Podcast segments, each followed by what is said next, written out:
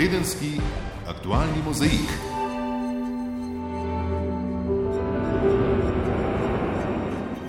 Spoštovane in spoštovani, dobrodošli v tedenskem aktualnem mozaiku. Načrt je, da še naprej stojimo in obstanemo.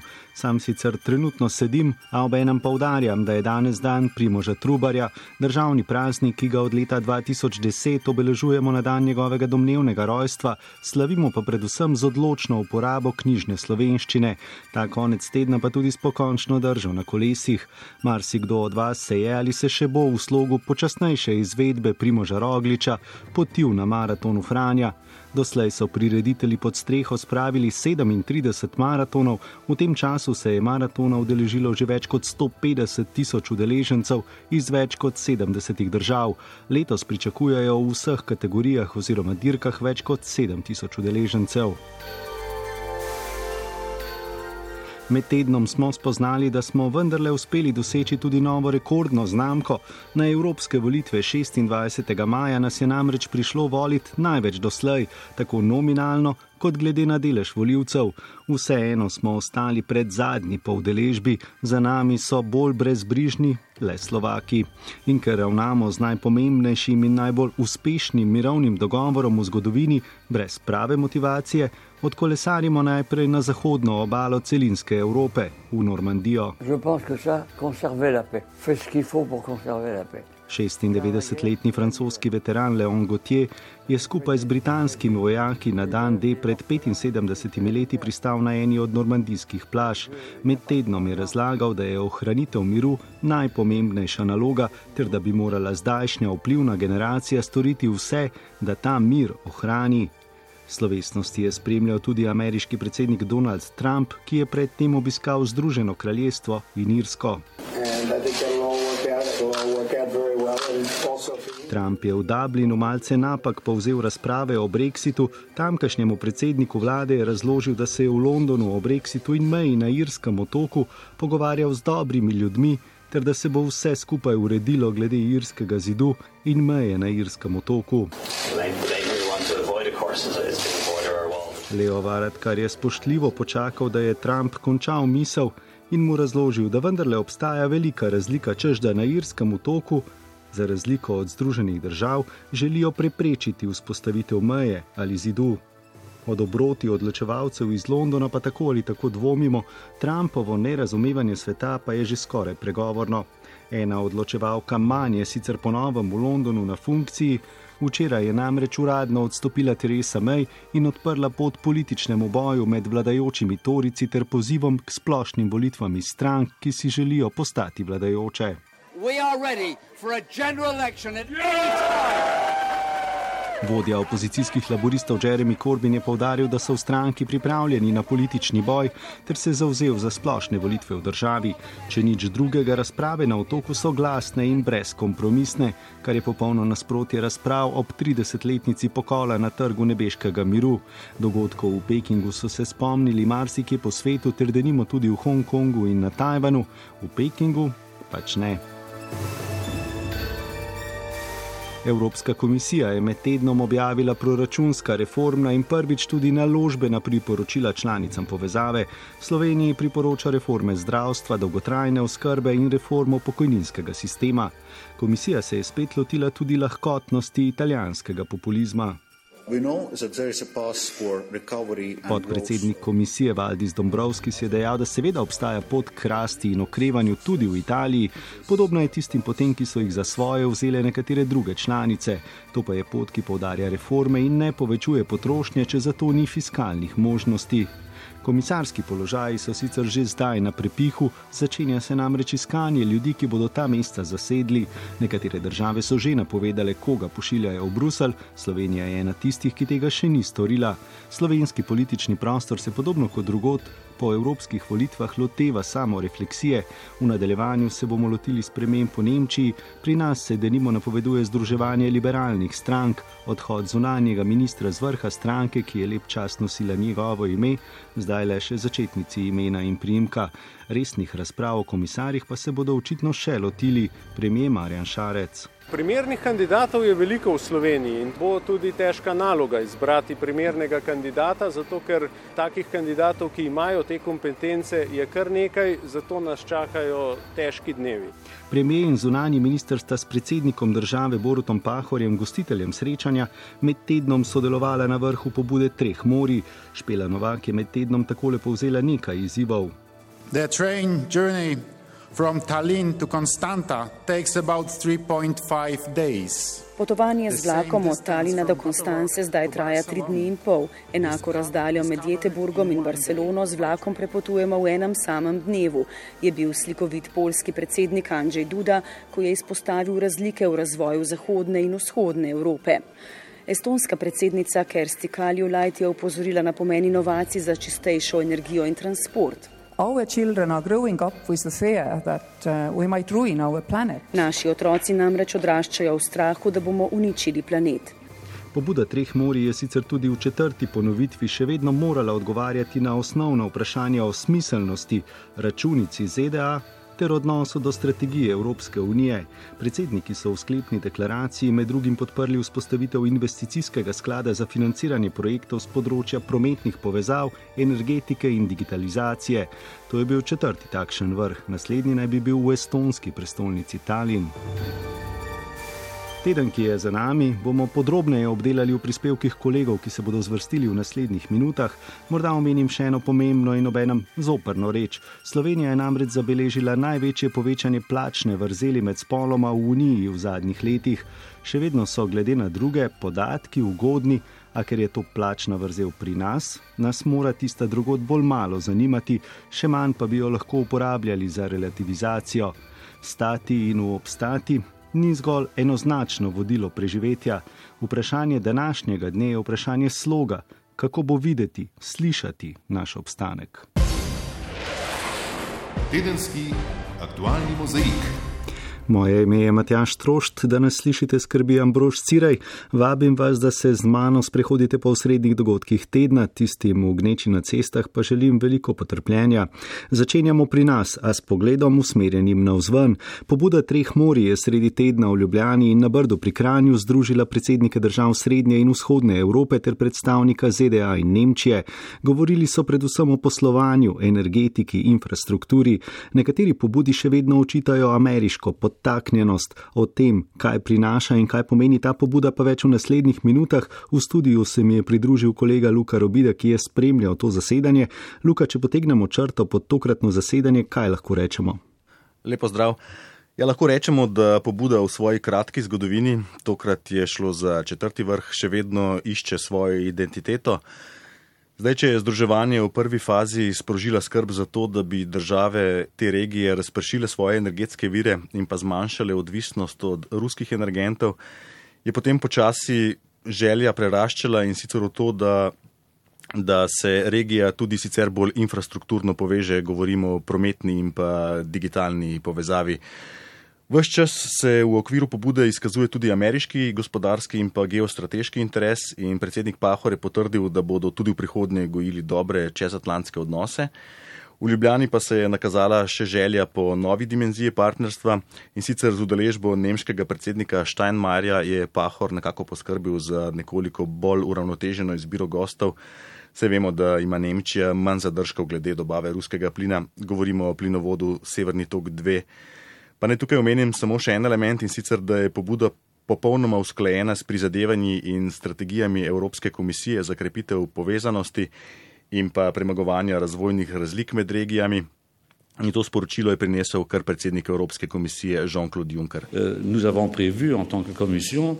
Povedal je, da bo v prihodnjem večletnem finančnem okviru predvidoma 42,3 milijarde evrov namenjenih za boljšo povezanost Evropske unije in še posebej držav združenih v to inicijativo. No, medtem pa Evropska investicijska banka ocenjuje, da bi za razvoj infrastrukture v prihodnjem desetletju potrebovali okoli 500 milijard evrov. No, da je vloga Združenih držav v tem partnerstvu pomembna, sta nakazala tako predsednik Pahor kot predsednik vlade Marjan Šarec, ki sta se z ameriškim energetskim ministrom Rikom Perjem srečala še pred uradnim začetkom tega zasedanja. Kakšen pečat je dal Rik Perry tokratnemu zasedanju? Jaz predlagam na tem mestu, da najprej prisluhneva kar vtisu predsednika Pahorja.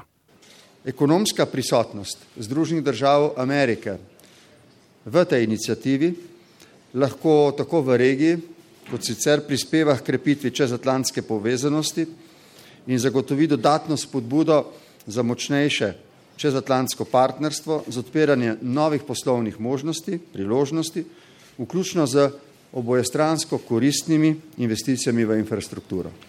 Zdaj, tisto, kar je Peri v Sloveniji povedal zelo neposredno, je, da lahko ta del Evrope, seveda, če želi sam, računa na ameriški utekočinjen plin in pa na modularne jedrske reaktorje za pridobivanje električne energije. Ne morem pa na tem mestu mimo tega, kar je povedal v pogovoru za našo televizijo in sicer pri promociji te jedrske tehnologije je govoril o tem, da ta ne pušča nikakršnih jedrskih odpadkov, obenem pa je celo dejal, da ni nikakršnih študij, ki bi dokazovali, da je pridobivanje plina iz krilovcev kakorkoli okoljsko sporno. In še to, po njegovem je energetske potrebe ne mogoče zadovoljiti z vetrno, sončno energijo ali pa s hidroelektrarnami. Po njegovem bomo kar ostali brez luči, če se odpovemo premogu plinu in pa nuklearni električni energiji. Bilo bi seveda dobro, če so voditelji pobude mislili iskreno, ko so v sklepno deklaracijo zapisali, da bodo pri uresničevanju svojih projektov sledili visokim okoljskim standardom. In tu bi dodal še to, da je usporedno s političnim delom potekal poslovni forum, več sto udeležencev so tam našteli, marsikdo pa je se z tega foruma vrnil z otisom, da so v precejšnji meri iskali možnosti za gospodarsko sodelovanje z ZDA, bolj kot pa za nove priložnosti v okviru držav članic pobude. Ja, omenil si sklepno deklaracijo, lahko malce poveš, do česa so prišli v tej sklepni deklaraciji. Mislim, da je treba tu izpostaviti ustanovitev posebnega investicijskega sklada, prek katerega bi financirali skupne infrastrukturne projekte. Veliko vprašanje je, ali in pa v kakšni meri bo ta sklad uh, zaživel. Ni jasno, po kakšnih principih bi van uplačevali ali pa kako bi iz njega črpali. In zdaj sta v tem projektu zgolj Poljska ter Romunija, pridružila pa se jima je še Evropska investicijska banka. Kako bo v njem sodelovala Slovenija, pa se bo odločala vlada. Ob koncu so voditelji prav tako potrdili, da je vredno delati sprotno revizijo uresničevanja projektov. Nismo sicer slišali, kako napredujejo posamezni projekti, o katerih so se dogovorili v Bukarešti. Oči pa bije predvsem to, da sta, kar se energetskega povezovanja tiče, stvari najbolj resno zgrabili Poljska in pa Hrvaška s svojima plinskima terminaloma. In kar se tiče konkretnosti projektov ter Slovenije, naj povem pa zgolj še to, da je Slovenija z Mačarsko v sredo podpisala memorandum o energetskem sodelovanju med državama in v spredju so zlasti načrti za povezavo plinovodov in pa visokonapetostnih daljnovodov, v načrtu pa so tudi nekatere prometne povezave. No, toliko o treh morjih, hvala Luka. Selimo pa se k Janku Petrovcu v Rim. Minuli teden je namreč veliko pozornosti znova zbudila Italija. Evropska komisija je napovedala, da bo državam članicam priporočila sprožitev posebnega postopka proti njej in sicer zaradi višanja javnega dolga in preseganja dogovorjenega proračunskega primankljaja. Italijanska vlada je hkrati obeležila prvo leto svojega obstoja. Po rezultatih evropskih volitev sodeč je bilo nad vse uspešno, po makroekonomskih kazalcih pa ravno nasprotno. Njen premijer Giuseppe Conte je v ponedeljek celo zagrozil z odstopom, če se nacionalpopulistični koalicijski partnerici ne bosta pobotali. Tudi bistveni politični premiki se pri zahodnih sosedih ne odvijajo med glasnim frčanjem perja, ampak med prikrivanjem novic. Začnimo pred desetimi dnevi, ko so v rimski poslanski zbornici soglasno sprejeli priporočila vladi glede proračuna za prihodnje leto. V pristojni komisiji so v zadnjem hipu v dokument vključili odstavek, ki dopušča možnost uvedbe tako imenovanih mini obveznic za poplačilo dolgov, ki jih ima država do fizičnih in pravnih oseb doma. Novica je opazovalce opozorila, da se ekonomisti vladajoče lige še vedno niso odrekli možnosti italijanskega izstopa iz evra, za kar so navijali še iz opozicije. Med njimi je Claudio Borg, Gorgi, predsednik proračunske komisije poslanske zbornice. Pred leti je na različnih konferencah teoretiziral uvedbo državnih mini obveznic. Te naj bi imele vrednosti evrskih bankovcev, na nje ne bi bilo obresti in ne bi imele roka izteka. Država naj bi z njimi poplačala svoj dolg do državljanov, ti pa bi z njimi lahko plačali davke ali celo benzin na črpalkah paradržavnega enija. Mini obveznice bi se počasi razširile in postale de facto usporedna valuta, ki bi lahko čez noč, če bi bila potreba, izpodrinila evro. Opozicijski poslanci so se potem, ko je vest o parlamentarnem incidentu prišla v javnost, opravičevali, čež da niso vedeli. Financial Times je novico poslal v svet. Drugi človek lige, Giancarlo Giorgetti, pa je mini obveznice včeraj označil za eno od možnih rešitev vprašanja dolgov javne uprave. Voditelji so vsem skupaj molčali, kar je povedno. Sprijeto priporočilo ni zavezujoče, ima pa politično vrednost, na katero se lahko vlada sklicuje, ko pride priložnost.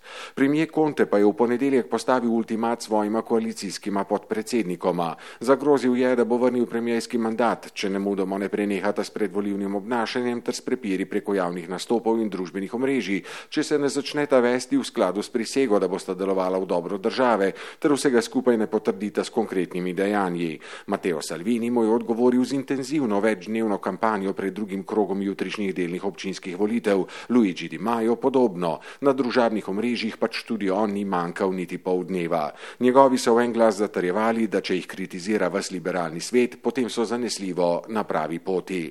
Najostreje jih je znova ošvrtnila Evropska komisija, ki je državam članicam priporočila sprožitev posebnega postopka proti Italiji zaradi nespoštovanja evropskih fiskalnih pravil. Javni dolg države naj bi se z dobrih 132 lani dvignil čez 135 odstotkov BDP prihodnje leto.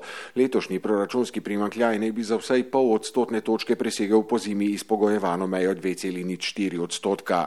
Evrokomisija je med drugim izpostavila tudi pasti zniževanja upokojitvene starosti. Brez konkretnih ukrepov, kot je najmanj 3 milijarde evrov na račun poplačila starega dolga, Italija tvega za 3 do 4 milijarde evrov težko evropsko globo.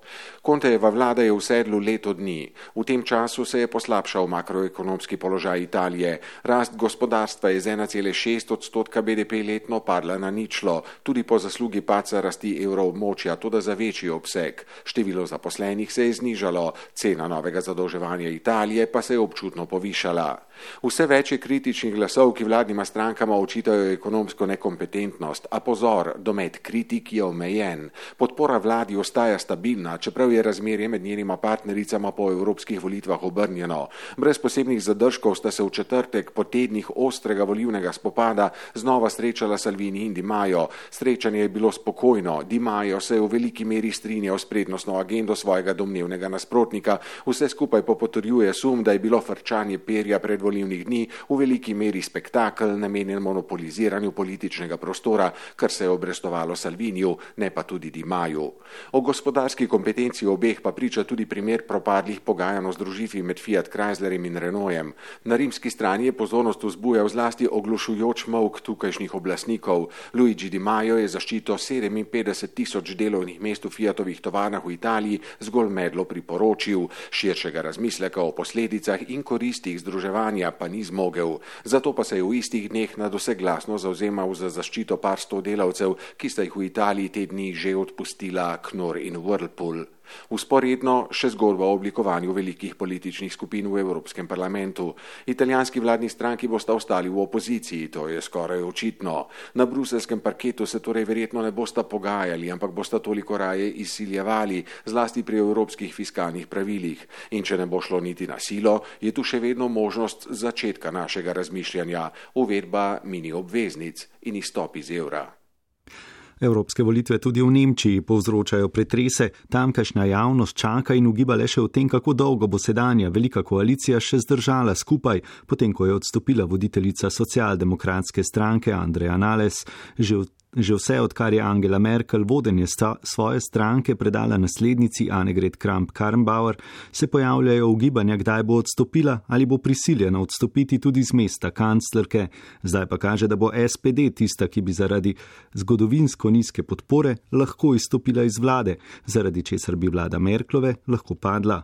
Medtem po javnomnenjskih raziskavah stranka zelenih postaja najmočnejša v državi, obe največji izgubljata, a bi strankarski interesi si lahko imeli prednost pred državnimi iz Berlina Polona Fjauš. Nemčijo nedvomno čakajo zanimivi politični časi. Po mnenju strokovnjakov, analitikov, članov stranke SPD se bo slejko prej zgodilo nekaj, česar niso vajeni ali pa se v Nemčiji vsaj ne dogaja zelo pogosto. Manjšinska vlada ali prečasne volitve. Redki so taki, ki še verjamejo, da bo sedanja vlada preživela do konca mandata, še dobri dve leti torej, zdaj, ko na čelo socialdemokratov ni več Andreje Nales, največje zagovornice sodelovanja v veliki koaliciji. Socialdemokratom podpora upada že zadnjih 15 let, a tako strmo, kot je šlo in še vedno gre navzdol v zadnjih mesecih, ni šlo še nikoli. Velik del članov stranke meni, da je to zato, ker so kljub dvomom šli v veliko koalicijo z Angelo Merkel. Veliko je takih, ki za neuspehe krivijo ne preveč karizmatično nekdanje voditeljico Andrejo Nales.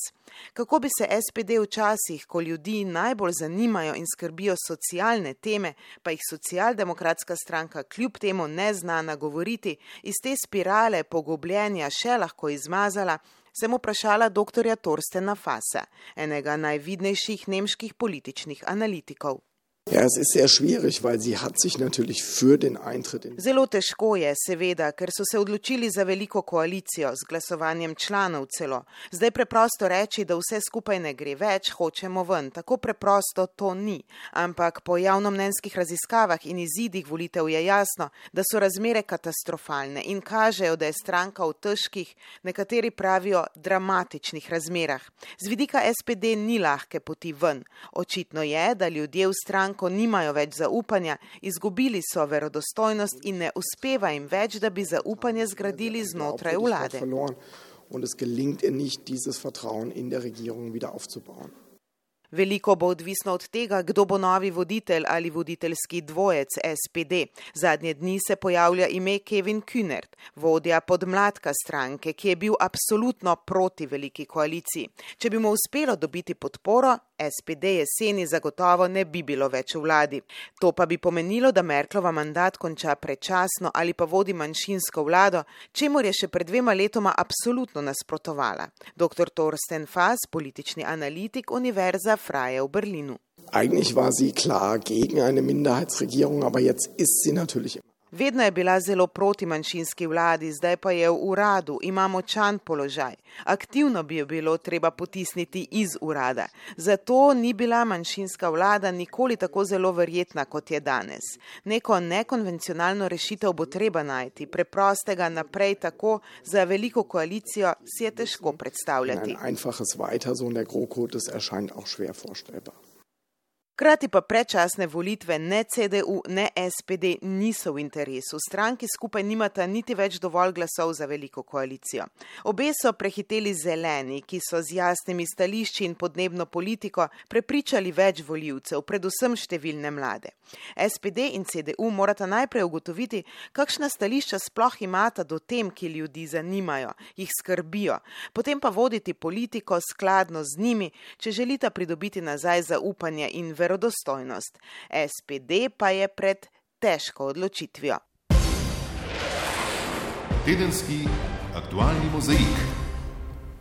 Tudi na domačem političnem parketu se po evropskih volitvah nadaljuje živahno politično dogajanje. Premijer Marjan Šarec je socialno-liberalne stranke v koaliciji pozval k povezovanju, le dan potem je sledila za marsikoga presenetljiva, vendar pričakovana napoved Mira Cerarja, da se bo jeseni umaknil z čela SMC-ja.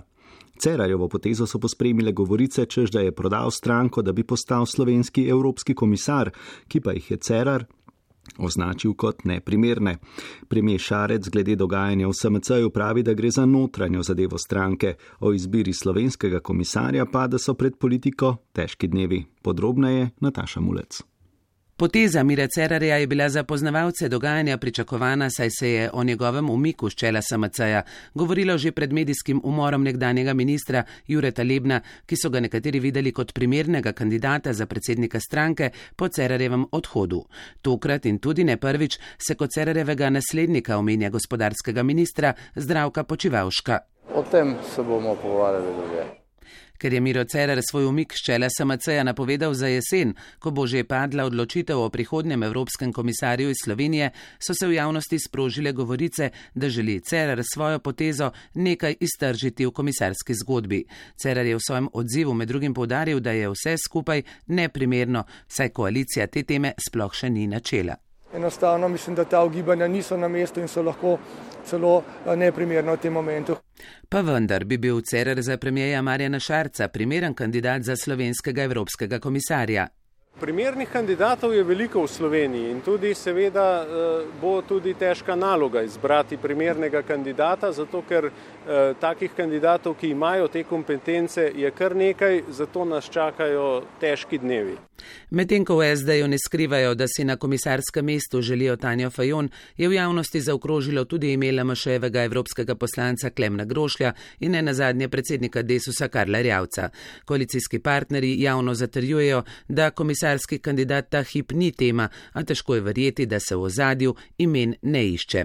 Kakorkoli bo treba nabrati devet glasov v vladi, ki o tem odloča, da je kombinacij kar nekaj, je nedavno povdaril tudi poznavalec dogajanja Andraž Zorko kombinacij je tu kar nekaj. Zanimivo pri tem je, da recimo samo ena od teh kombinacij je takšna, ki vključuje samo dve stranki, se pravi nekoliko poenostavljen dogovor, eh, to sta LMŠ in SMC. Vendar je to vse dosta odvisno od tega, kaj se dogovarjajo v ozadju. Vse ostale kombinacije predvidevajo dogovora saj treh strank, eh, kjer je nujno zraven nekdo, ki je bil na nek način poražen. Tako da bo precej zapleteno. Da aktualno dogajanje povezano z iskanjem komisarja, pa tudi z iskanjem novega vodstva SMC-ja, ne bo vplivalo na delo vlade in vladajoče koalicije, je prepričan premijer Šarec. Ob tem ni nepomembno, da bi se lahko poslanke in poslanci SMC-ja ob morebitnem razpadu stranke ideološko našli vsaj v dveh ali treh parlamentarnih strankah, tudi opozicijskih. Vse dogajanje v SMC-ju je sicer sledilo potem, ko je Šarec v ponedeljek pozval k povezovanju socialno-liberalnih strank. Povezovanje pomeni, da sodelujemo, da ugotovimo, da imamo enake cilje in potem se iz tega lahko kaj razvije. Ne bi pa mogel zdaj le govoriti, eh, kako se bo to odvijalo, to je pač pobuda eh, in kaj se bo na tem dogajalo, bomo videli v prihodnjih dneh. Še najbolj zadržano so se na Šarčev poziv odzvali v Sabu. Zaradi propadlega poskusa povezovanja strank Alde pred evropskimi volitvami so prepričani, da premijer Šarec svojim pozivom ne misli resno. V SMC-ju sta tako Miro Cerar kot zdravko počival še ocenila, da bi bilo sodelovanje prava pot. In mislim, da kakršnokoli tesnejše sodelovanje nas, ki imamo podobne ideološke poglede, cilje, eh, je seveda lahko koristno, ampak seveda kako bo o tem razpravljala stranka eh, SMC, to je pa stvar eh, pristojnih breko organov, pa tudi nekega procesa. To najbolj zagovarjam na gospodarskem področju, še posebej je pa to potrebno narediti na našem razdrobljenem političnem prostoru. Tudi predsednik Desusa Karel Rjavec v povezovanju strank leve sredine vidi realno možnost. No, jaz mislim, da je lahko zelo realno to povezovanje, vendar tukaj mora imeti nosilno vlogo lista Marjana uh, Šarca. Tako da jaz mislim, da ti pogovori bodo na vsak način stekli. Sodelovanje med strankami LMŠ, SMC, SAP in Desus bi lahko po besedah Rjavca potekalo na bolj mehak način v tem smislu, da skupaj sodelujemo samo v poslanski skupini ali pa skupaj sodelujemo, ko gre za določene odločitve. Torej, ob vsem slišanem so si predstavniki strank socialno-liberalne sredine ta hip enotni le v stališču, da je pobuda o povezovanju za zdaj le ideja in da je preuranjeno govoriti o tem, na kakšen način se bodo povezovali oziroma združevali, če se sploh bodo. O povezovanju strank na levi sredini se je sicer veliko govorilo in nič naredilo že pred leti po padcu vlade Alenke Bratušek. V rokah poslank in poslancev državnega zbora pa je nov predlog uresničitve odločbe ustavnega sodišča glede financiranja javno veljavnih programov v zasebnih osnovnih šolah. Poslala jim ga je vlada, na začetku mandata so že zavrnili predlog SDS. Tej stranki tudi ni uspel poskus ustavne obtožbe proti premijeju Šarcu, ker ni izvršil omenjene odločbe. Še preden je vlada pospravila to ideološko temo z mize, je šolsko ministrstvo razburilo starše, ki imajo otroke v zasebnih vrcih in tudi tudi te vrce s predlogom, da prepusti občinam odločitev, v kolikšnem deležu bodo sofinancirale otroke v zasebnem vrtu. Več Nataša Lanka. Smo priča ideološki goni proti zasebnemu šolstvu. Zakaj se že več kot štiri leta vrtimo na mestu glede ustavne odločbe? Ali lahko res nekaj zasebnih šol ogrozi dobro javno šolo in njeno zelo razvejano mrežo? Vprašanje razdvajajo javnost in politiko. In kot kaže, bo še nekaj časa tako, vsaj na področju financiranja zasebnih osnovnih šol. Vlada v predlogu, pripravil ga je šolski minister Jrnej Pikalo, predlaga, da država financira 100 odstotkov obvezni program, torej pouk, medtem ko pa nič razširjeni del programa, kamor sodijo jutranje varstvo, podaljšano bivanje, dodatni pouk, interesne dejavnosti. Zdaj prispeva 85 odstotkov za oba. Po formuli 100 proti nič bodo šole dobile manj javnega denarja kot danes. Gre za formulo, ki jo je pristojni parlamentarni odbor unesel v predlog Cerarjeve vlade in potem večina poslancev ni sprejela zakona o financiranju šol in je poskus Cerarjeve vlade padel pred dvema letoma. Kaj se bo zgodilo s predlogom Šarčeve vlade, ne upa napovedati nihče. Minister Pikalo dopušča možnost popravkov v parlamentarnem postopku. To napovedujeta koalicijski SMC in Desus, medtem ko ga opozicijski SDS in NSI ocenjujeta za neustavnega. Minister Pikalo formulo 100 proti nič zagovarja na podlagi zakona o osnovni šoli. Pravi, da v skladu s tem zakonom zasebne šole niso dolžne organizirati razširjenega programa za učence. Mi pač menimo, da zaradi tega razširjen program ni upravičen do uh, financiranja v zasebnih osnovnih šolah. Takšno financiranje bo vodilo v razslojevanje otrok, je prepričan direktor zavoda svetega Stanislava Anton Česen. Da, če bomo zdaj ločevali, da je obvezno in da je plačana obvezni del programa, recimo matematika, ne pa tudi do, dodatne ure iz matematika za nekoga, ki je bolj nadarjen ali pa dopolnilne ure za nekoga, ki ima morda potrebo po dodatni razlagi, potem ne vem, kako si razlagamo lahko to razslojevanje na podlagi otrok oziroma tudi finančnega položaja staršev. Nad vladnim predlogom so razočarani pobudniki ustavne presoje, med njimi Anton Kokal. Razočaran sem nad izjemno oskoglednostjo trenutnega ministra in eh, vlade kot take in me skrbi za prihodnost eh, pluralne Slovenije. Direktorica zavoda Montessori zavod združuje vrtec in osnovno šolo Melita Kordež Demšar. Je dobro, da smo sofinancirani, ker drugače v Sloveniji kar naletajo investitorji v zasebno šolstvo, eh, kvečemo bi tujci imeli dovolj denarja, da bi ustanavljali šole. Zasebne šole, tako starši učencev iz teh šol so prepričani, da je ustavno sodišče jasno zapisalo, da mora država v celoti financirati obvezni in razširjeni program v zasebni devetletki. Nasprotna stran tolmači odločbo drugače. Zgodba se bo najverjetneje razpletla v prihodnjih mesecih. Spomnimo, pobudniki ustavne presoje že dve leti prosijo ustavne sodnike, naj natančno povedo, kaj in v kolikšnem deležu mora država financirati zasebni šoli. Minister Pikalo. Pri tem je pomembno poudariti nekaj. In sicer, da ne gre za to, in seveda tega nočemo, da bi kakorkoli omejevali zasebno pobudo. Zasebna pobuda mora biti, zasebna pobuda je prav, da je, in s tem za zasebno pobudo kot tako ni nič narobe. Se pa vsaka država posebej odloča, do katere mere bo pa seveda to zasebno pobudo financirala in kaj bodo vstopni pogoji za to, da bo ta zasebna pobuda lahko financirana. Razburja tudi pobuda občin, šolsko ministrstvo jo je zapisalo v predlog novele zakona o vrcih, da po 23 letih prepusti občinam odločitev, ali bodo še financirale zasebne vrce in v kolikšnem deležu. Občine avtomatično financirajo vsakega otroka v zasebnem vrtu v višini 85 odstotkov stroškov otroka v javnem vrtu. Ob tem nimajo nobenega vpliva na ustanavljanje zasebnih vrtcev in so okolja, kjer imajo občine v javnih vrtcih že nezasedena mesta. Občine pa so dolžne sočasno financirati otroke v javnem in zasebnem vrtu.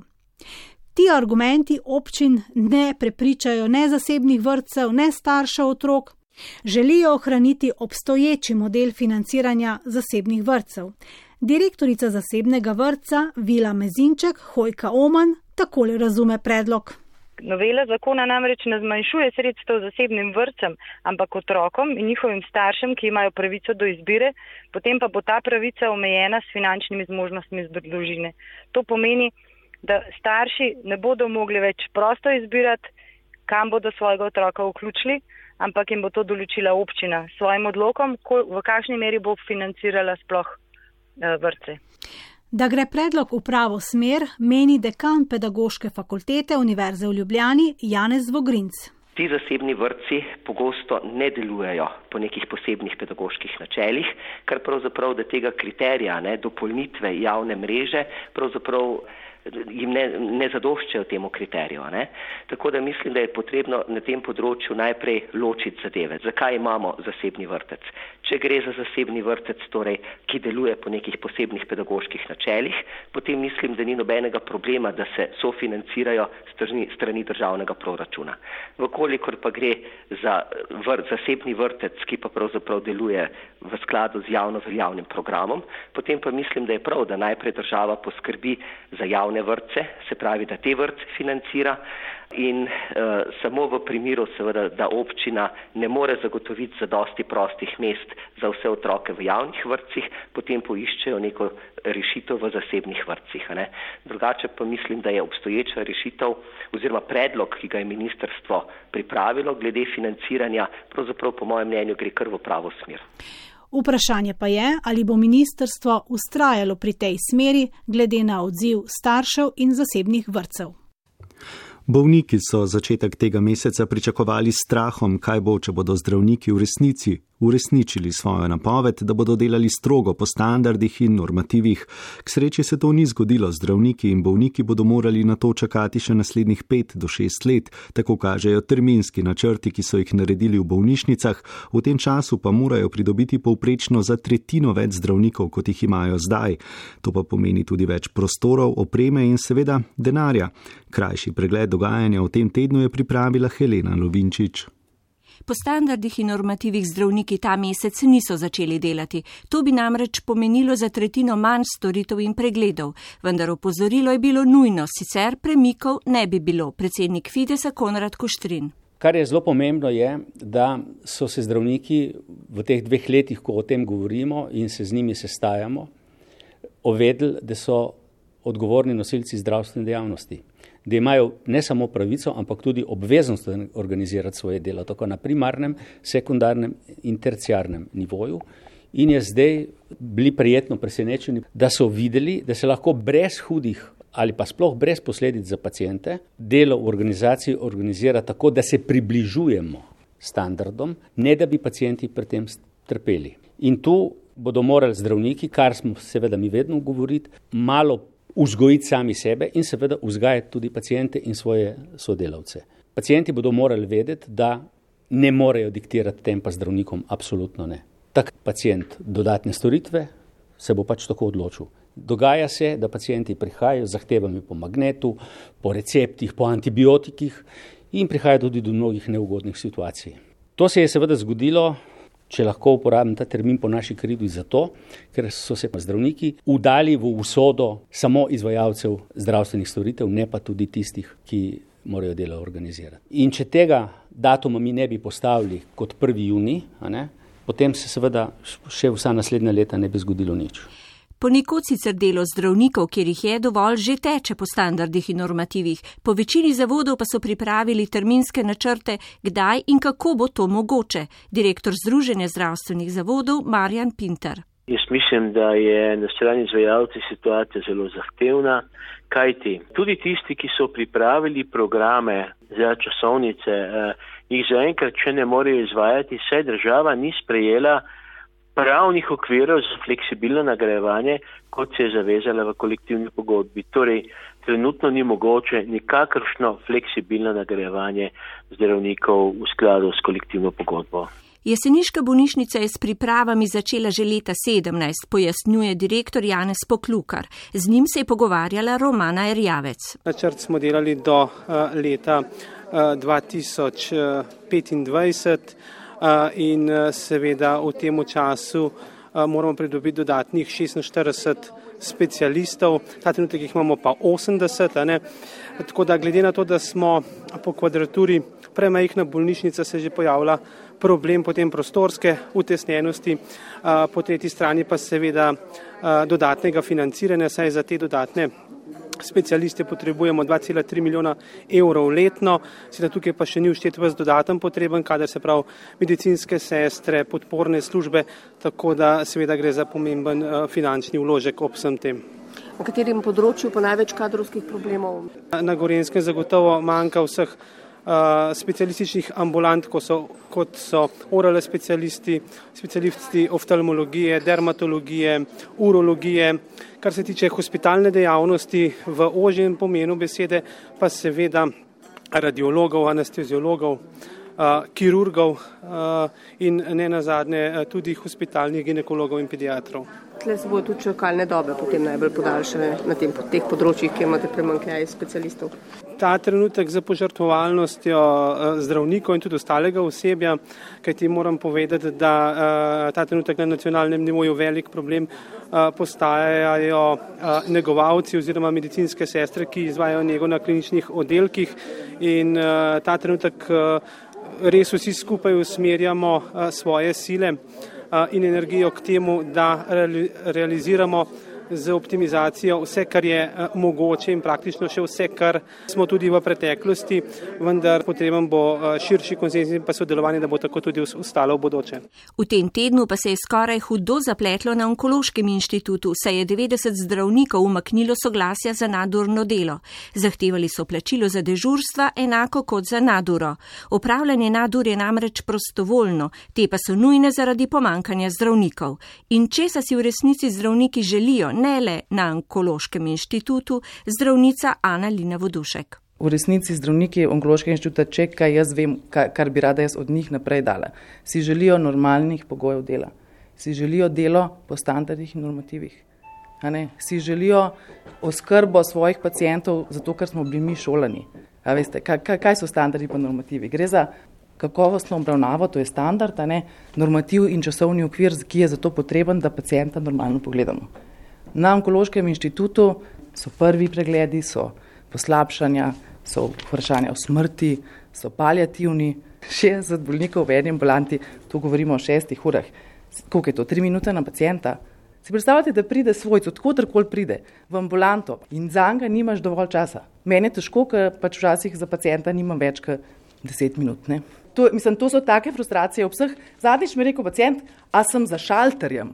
Zato, ker sem pol časa na računalniku in njega gledala, a še kaj, a še kaj, na uro, zato da jaz lahko v svojem ambulanti pač pogledam ne, svoje pacijente.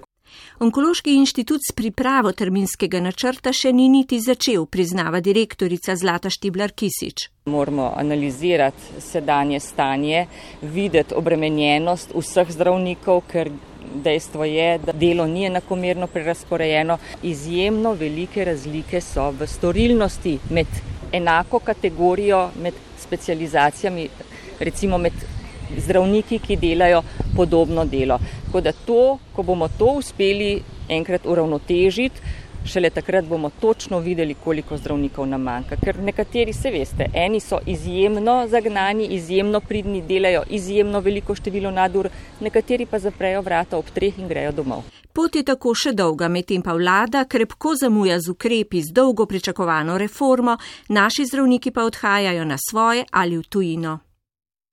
V tedenskem aktualnem mozaiku se selimo na Koroško. Prva omemba sodobne cestne povezave kot dela tretje razvojne vsi na Koroško je iz 70. let prejšnjega stoletja.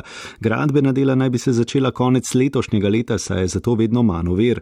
Ustavno sodišče je v postopku ocene ustavnosti in zakonitosti na zahtevo občinskih svetov Braslovče in Povzela odločilo, da je uredba o državnem prostorskem načrtu za odsek hitre ceste Šentrupert Velenje skladna z ustavo. Karim Potočnik. Hitra cesta bo, so ob dolgo pričakovani presoji sporočili iz mestne občine Velenje. Odločitev ustavnega sodišča pomeni, da se bodo lahko postopki za gradnjo hitre ceste proti Velenju in Koroški nadaljevali. Podžopan Velenja Peter Drmol. Gre seveda v prid eh, razvoju lokalne skupnosti Velenje, kot gre v prid razvoju eh, Šaleške doline, Zgornje Savinske doline in konec koncev tudi razvoja Koroške regije. S to odločitvijo je lahko, rečem, pridobilo 100 tisoč in več ljudi, ki živimo v tem okolju. Pridobili smo osnovo za to, da lahko z optimizmom zremo v prihodnost, da bo lahko gospodarstvo in gospodarstveniki, tisti, ki so eh, danes opotekali, da bi prišli v mestno občino Velenje ali pa katerokoli drugo našo občino investirati, ker niso vedeli, kakšna kakšne bodo logistične zmožnosti v prihodnje, da so s, tem, s to odločbo danes izraženi eh, jasni signali, da gremo do te tretje razvojne vsi. Pozitivni odzivi so tudi iz Slovengraca in zraven na Koroškem, župan Tomaš Rožen. Je zagotovo izjemno pomemben korak eh, na naši poti, skupni poti do eh, hitre ceste oziroma ceste na Koroško. Težko si predstavljam, kako bi bilo drugače, torej, če bi bila ta državni poslovski načrt pravzaprav razveljavljen, eh, kajti bile so zelo pesimistične ocene, kaj to pomeni, da ne obstaja rezervni načrt, da ne obstaja druge možnosti in petletna zamuda so da pomeni veliko, tako da je to res pomemben menik k končnemu cilju. Podporo odločitvi ustavnega sodišča so izrekli iz gospodarske zbornice Slovenije, območne zbornice Koroška, predvsem pa iz mladinske inicijative za tretjo razvojno os, koordinator Aljaš Vrhovnik. Odločitev ustavnega sodišča predstavlja še eno zeleno luč na poti k prvi lopati v letošnjem letu. E, to pomeni tudi celovito realizacijo tretje razvojne osi na odseku med avtocesto in e, Slovengradcem. Seveda pa bo za zadnjo zeleno luč potrebno sprejeti še poroštveni zakon. Tudi to pričakujemo, da se bo zgodilo v letošnjem letu, potem pa praktično ni več niti političnih, niti birokratskih ured, da se cesta ne bi mogla pričeti graditi. Ustavno sodišče je v postopku za oceno ustavnosti in zakonitosti na zahtevo občinskih svetov Braslovče in Povzela odločilo, da omenjena uredba ni v neskladju z ustavo. Za občini Braslovče in Povzela je tako pravna pot končana in boste spoštovali odločitev sodišča. Kljub temu pa sta po besedah odvetnika Mihe Šipca odprti še dve zadevi. Ena je na ustavnem sodišču, kjer 36 posameznikov s pobudo za oceno ustavnosti izpodbija to isto uredbo. Druga zadeva je na upravnem sodišču. Naj spomnimo, da teh 36 posameznikov in Združene civilne inicijative Savinske doline podpirajo traso hitre ceste na Arjovas, ki naj bi bila tudi finančno ugodnejša in ne na Šentrupert. Medtem sestanki za gradnjo hitre ceste potekajo nemoteno. V torek se predstavniki Ministrstva za infrastrukturo, Darsa ter šaleški in koroški politiki sestanejo na Koroškem, na Prevaljah. Počasi postaja jasno, kako bomo v Sloveniji v prihodnje ravnali z odpadki. Ponavljajoče se težave z neodpeljanimi kupi embalaže naj bi rešil nov sistem razširjene odgovornosti proizvajalca, skladno s katerim bo za odpadke poskrbela neprofitna družba. Viške, ki jih ni možno reciklirati, pa bodo predvidoma sežigali tudi v termoelektrarni Šoštan. Erna Strniša. Družbe pristojne za ravnanje z odpadno embalažo trenutno odvažajo vse, kar dobijo na komunalah. Težava pa ostaja embalaža, ki je bila nepreuzeta lani, je v vse slabšem stanju in vse manj primerna za reciklažo.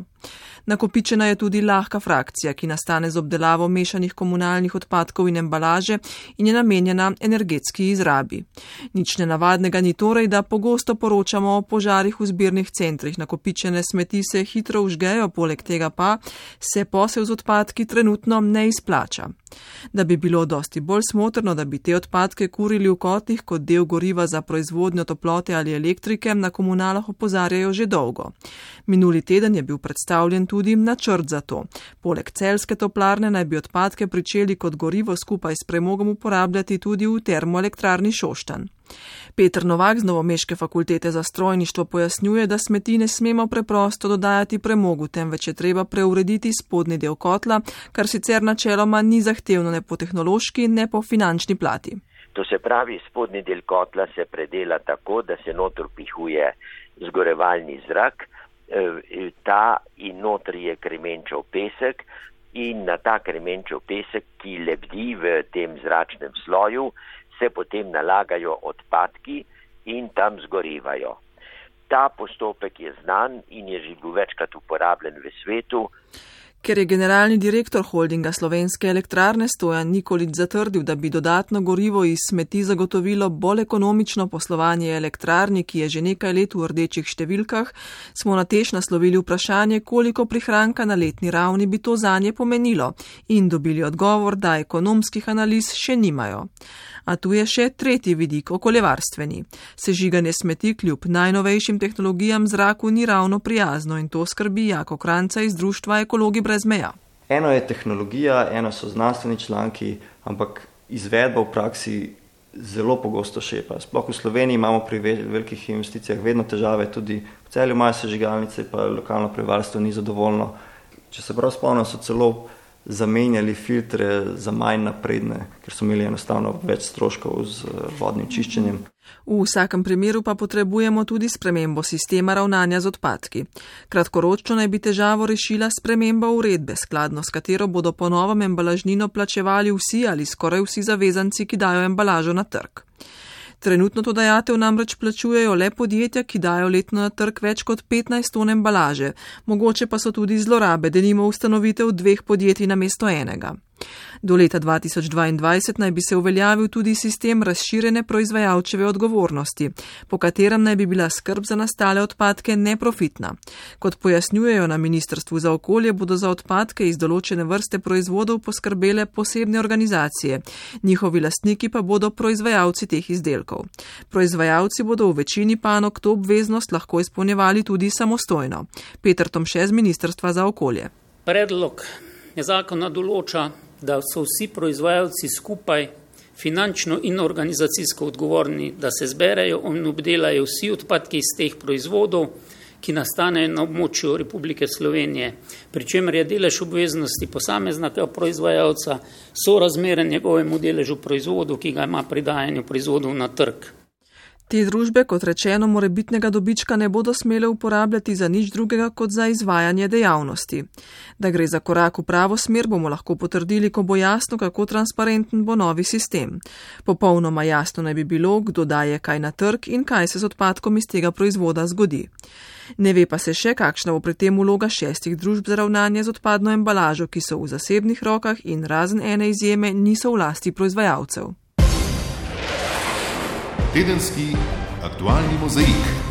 Končujemo športom. V košarki je živahno tudi po koncu klubske sezone. Za tokratno popestritev je poskrbela združitev klubov Olimpija in CD-vita. V torek sta to združitev obelodanila in pojasnila tudi predsednika obeh klubov, Tomaš Berločnik in Emil Tedeski, podrobneje pa Franci Baušar.